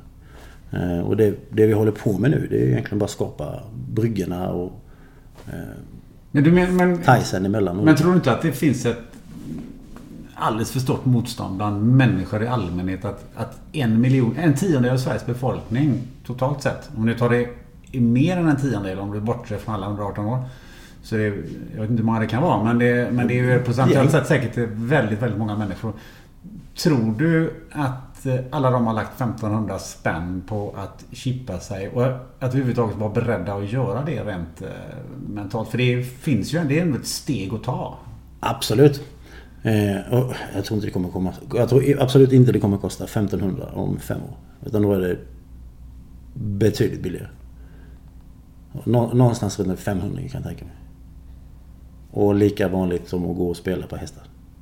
Ja ah, men det är klart jag ska köpa mig. Fan, jag måste koppla det här mot bilen och bilen, låset, gymmet och, och, och kontoret. Och bara ju mer, ju mer kort och ju mer du vet vardags clutter. Alltså, vet, lösa grejer som du kan tappa och bli av med och behöver tänka på. Ju mer du kan frigöra folk desto, desto lättare blir det nog.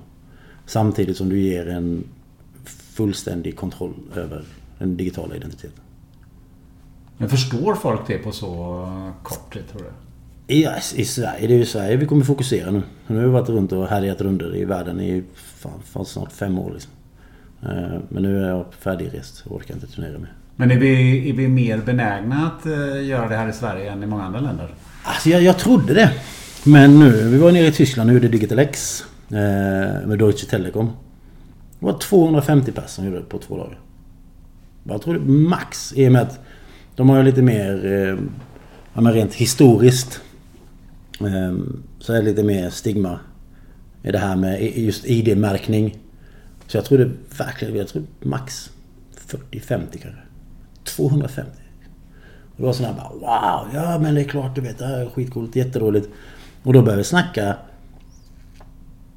folk som kanske bör eller kan tänkas vara mer eh, eh, restriktiva. Till, till nya saker. Men bara open arms. Alltså, Alla bara, fan skitcoolt. Det var någon enstaka som bara Mm, ville liksom inte skriva i sin e-mail på eh, hälsodeklarationen liksom. Ja men nej, då kryssar du i där bara. Vi kommer aldrig, aldrig använda din e-mail liksom. De här papperna skrotas om två veckor liksom. Ja ah, okej okay, fine. Eh, och i Sverige, alltså det är 10-15% adoption. Over the board. Ingen, ingen eh, direkt demografi utan Sätter du 100 pass i ett rum så kommer i regel 10-15 pass chippa sig. Ännu fler är gratis. Det är så? Så man kan bara, så. Här är värdena, det här är tjänsterna, det här är grejerna du kan använda till. Det kommer kosta dig 500 spänn. Och den enda ytterligare kostnaden de kommande 10 åren är om du vill ha premiumversion av appar. Liksom. Annars är det du som bestämmer. Ett sånt chip håller i 10 år ungefär? Ja. Yeah. De här vad... prototyperna håller i 25. Vad kommer vi att eh, kunna göra? Vi, vi, vi behöver inte ha någon plånbok alls. Vi, vi har körkort och allting. Nej. Alltså, just körkort och sånt där kommer ta längre tid tror jag. Eh, men ID, ID och kunna länka till information som är eh, legitim. För att, för att vara dig. Men jag tänker polis skulle ju rätt kunna avläsa folks chip. Nej, det är just de som är lite längre bort. Och där vet jag inte om man vill. För det blir ju också det lite stigma. Bara, vad fan ska snuten bara kunna komma fram och identifiera mig? Bara, nej, det tycker jag absolut inte. Så där kommer vi liksom inte göra några länkar. Utan då måste du logga in på en tjänst och faktiskt aktivera, verifiera och authenticate att du gör det här. Men samtidigt så får man hitta, okej okay, vilka i, i vilka situationer är convenience värt Eh, och det, det är upp till var och en egentligen. Om vi ser det från andra hållet då. Nu har vi ju användarna då. Men om vi tittar på de som är... Eh, eh alltså allt från betallösningar eh, till låsföretag till eh, you name it. Vad tycker du att inom de närmaste fem åren de här företagen bör nog eh, se upp? För hänger ni inte med här så kommer ni att få det jobbigt. Vad, vad, vad, skulle, vad ser du framför dig på företagssidan? För jag har ju pratat med, med en kille som heter Anna Mohammed som är AI-visionär och kunde, hade en del idéer om, om, om, om fem år så, så är de här bolagen förmodligen försvinn, försvunna och de här kommer mm. nog gå lite jobbigt. Kan, kan man se något liknande från, från din sida? Så att säga att här kommer så mycket nya tjänster och de som levererar det här idag de kommer nog få det jobbigt om fem år. Ser du några sådana eh, i din vision, i dina glasögon? Det är mycket, mycket access och ID management. De får ju liksom step up their game. Det är hela det här gamla då vi äger root-nyckeln och ni får bara låna en publik nyckel. Så här kommer ju allting skifta. Det blir du personligen som är root-nyckel och du distribuerar publika nycklar under, med dina preferenser. Eh, så det är sådana företag som kanske får vakna till. Kan du ge exempel? Ska name, namedroppa? Ja, eller, eller branscher eller typ av... Eh, av... Ja, men just identitet, access, access management som gör eh, access-system, access och larmsystem och typ dörrlås och integreringar på företag. Eh, betal, eh, betaltjänster och olika typer av eh, vårdtjänster, online vårdtjänster skulle jag nästan säga. För det handlar, allting handlar om smidighet. Okej, nu kan du skaffa vård i hemmet. Alla identifierar sig med BankID.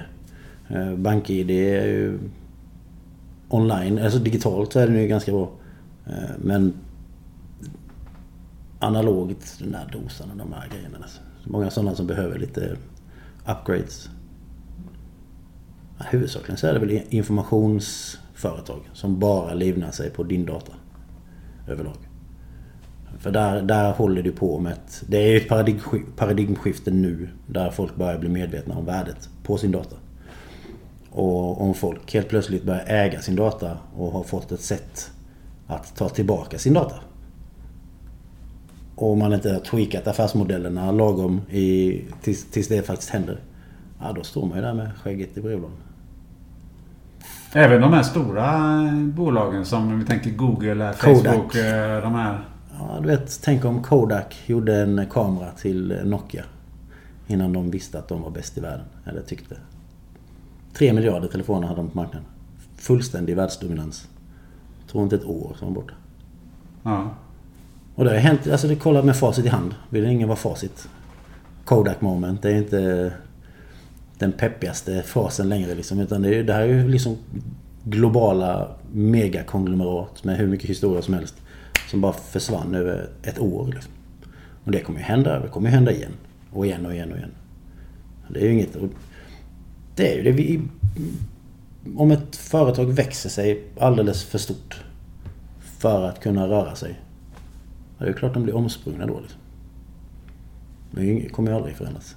Den vinklingen är ganska intressant. Den tänker man ju inte på första hand när man tänker på alltså det, David och, David och Goliat eller så. Jättarna har ju blivit vet, fällda för, för alltid. Och det är det ju. De, de minsta de syns ju inte ens förrän de har sprungit förbi. Och då är det bara hoppa igen nu. Fan nu kommer vi inte ikapp. Nu, vi har ju inte börjat svänga. Vi hinner inte svänga. Och nu har solrosorna börjat rikta sig mot solen istället. Du, någon, man pratar väldigt mycket om AI, artificiell, artificiell intelligens. Hur, eh, hur eh, kan det påverka, påverkas? Eh, hur, hur kan det kopplas ihop med, med chip till exempel? Alltså, jag skulle säga sjukvård och facilitera, eller hantera din data egentligen. Så att du kopplar dig mot en tjänst där du, som du köper, så du äger den och kan hantera den. Det är som att köpa ett om du köper ett spel eller du köper en kvällstidning. Ehm, så finns det ingen, kan ingen komma åt din data. Liksom. Om du köper loss och har ett lokalt system, en lokal intelligens med ett AI som hanterar och faciliterar och delar upp all din data. Så har du som, som Facebook liksom, har du ett jävla värde, megavärde som kan hanteras och request som kommer in av data. Ehm, folk som är intresserade av att köpa data eller byta data kommer de in så hanteras allting i bakgrunden. Your own personal hushålls-AI. Alltså, allt. Bara, oh, nu, nu mår jag så här. Jag vill må så här. Och det här är liksom, det här är min målsättning. Bra. Ja, med de förutsättningarna som du har så bör du göra så här. träningsprogram? Träning, träningsprogram, mat. Eh, du vet vilka, under vilka förutsättningar du ska göra vad och vilken typ av mat beroende på var du bor.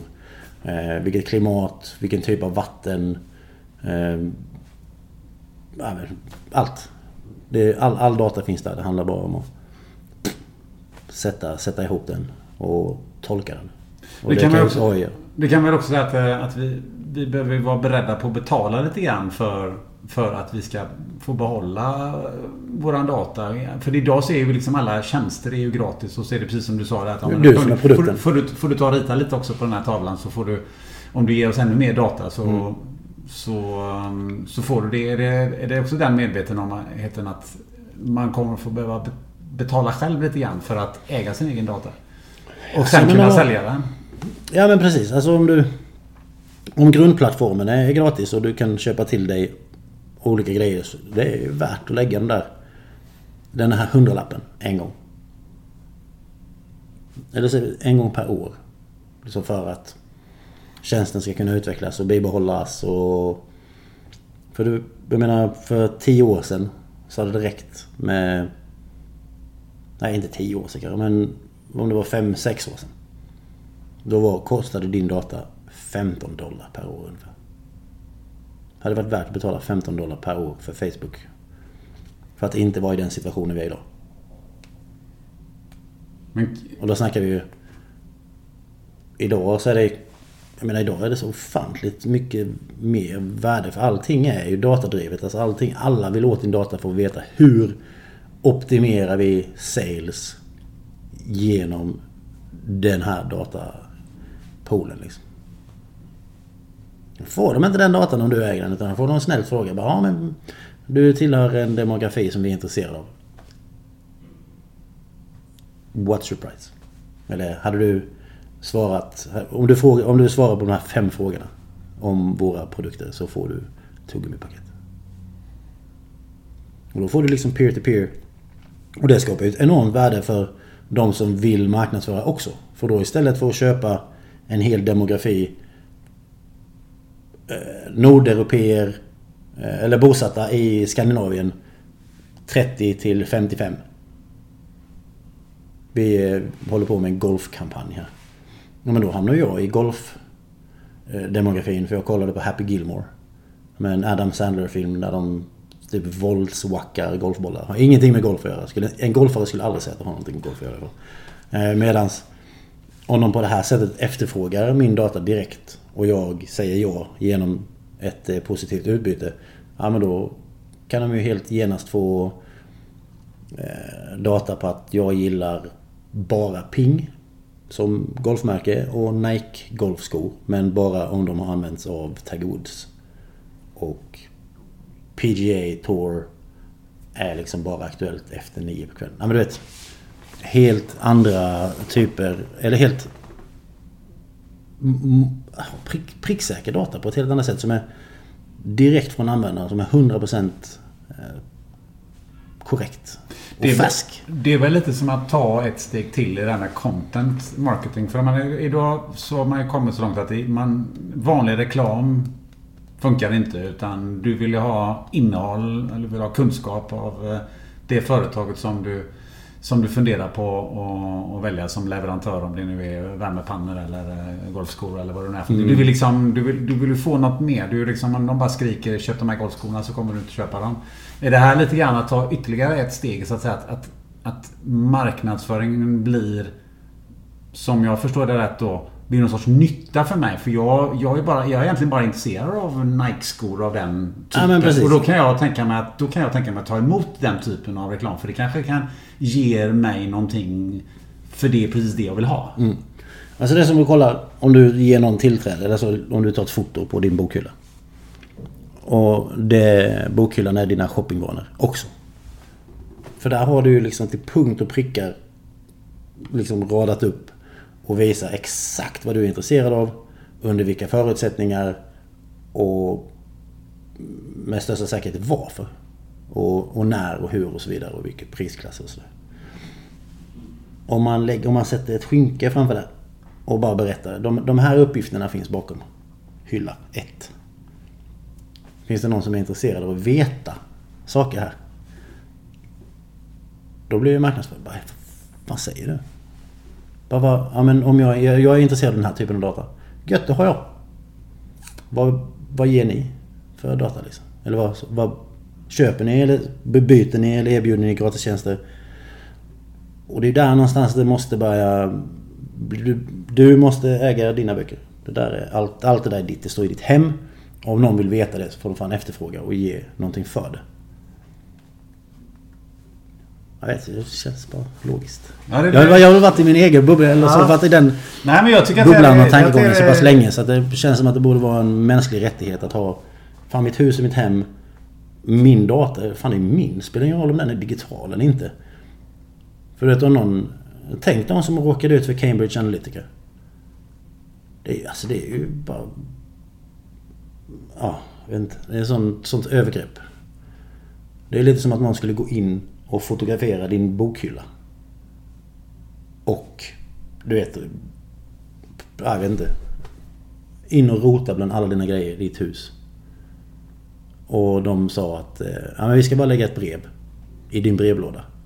Och så får du fylla i lite frågor här så får du en 20. Ja gött, fair trade. Medan de i själva verket gick in och rotade igenom hela ditt hus. Och sålde all information om det till en, en köpare. Liksom.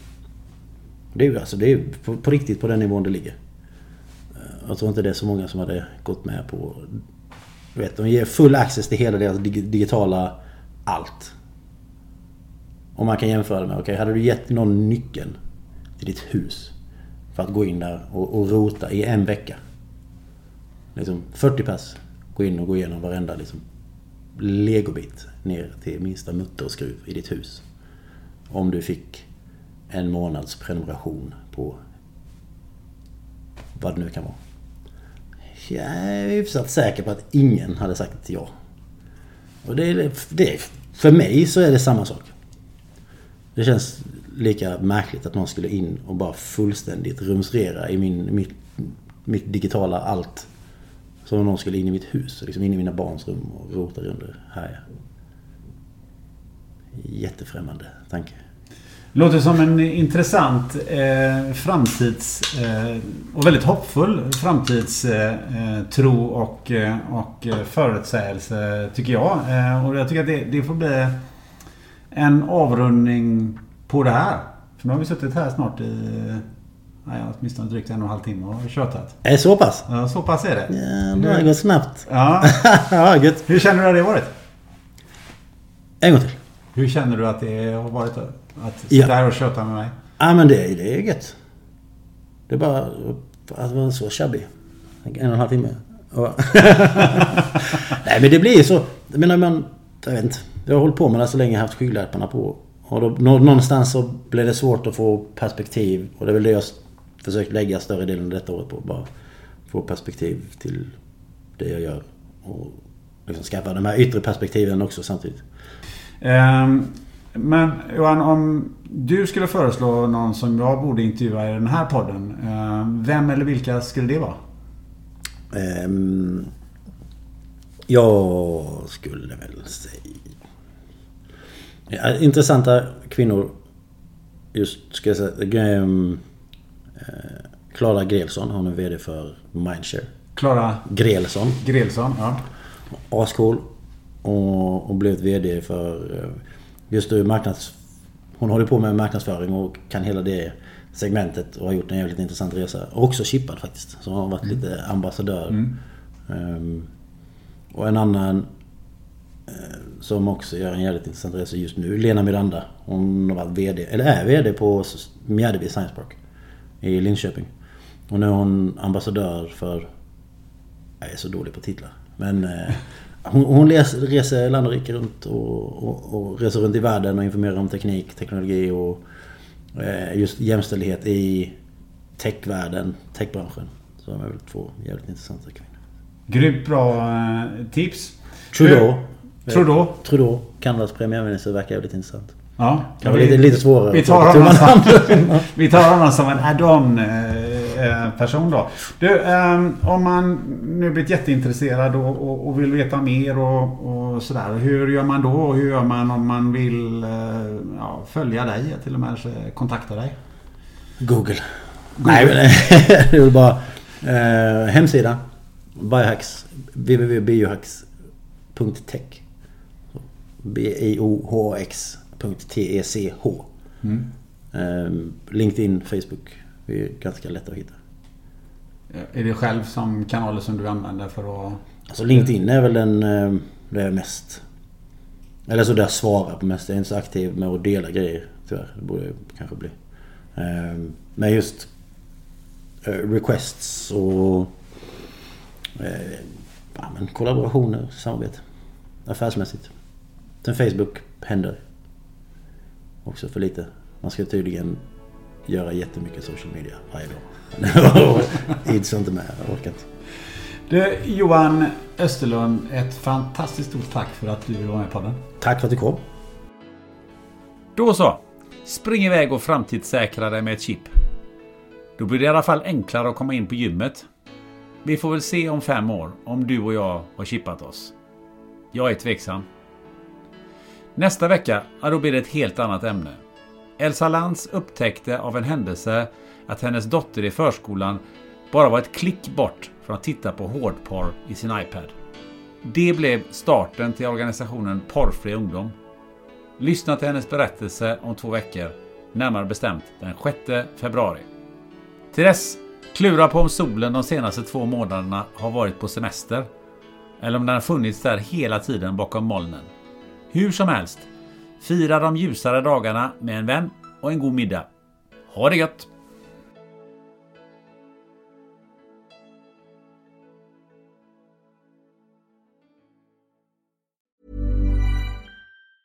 Have catch yourself eating the same flavorless dinner three days in a row? Dreaming of something better? Well, HelloFresh is your guilt-free dream come true, baby. It's me, Gigi Palmer. Let's wake up those taste buds with hot, juicy pecan-crusted chicken or garlic butter shrimp scampi. Mm. Hello Fresh. Stop dreaming of all the delicious possibilities and dig in at HelloFresh.com. Let's get this dinner party started. Even when we're on a budget, we still deserve nice things. Quince is a place to scoop up stunning high-end goods for 50 to 80% less than similar brands. They have buttery soft cashmere sweaters starting at $50, luxurious Italian leather bags, and so much more. Plus, Quince only works with factories that use safe, ethical, and responsible manufacturing. Get the high-end goods you'll love without the high price tag with Quince. Go to quince.com/style for free shipping and 365-day returns.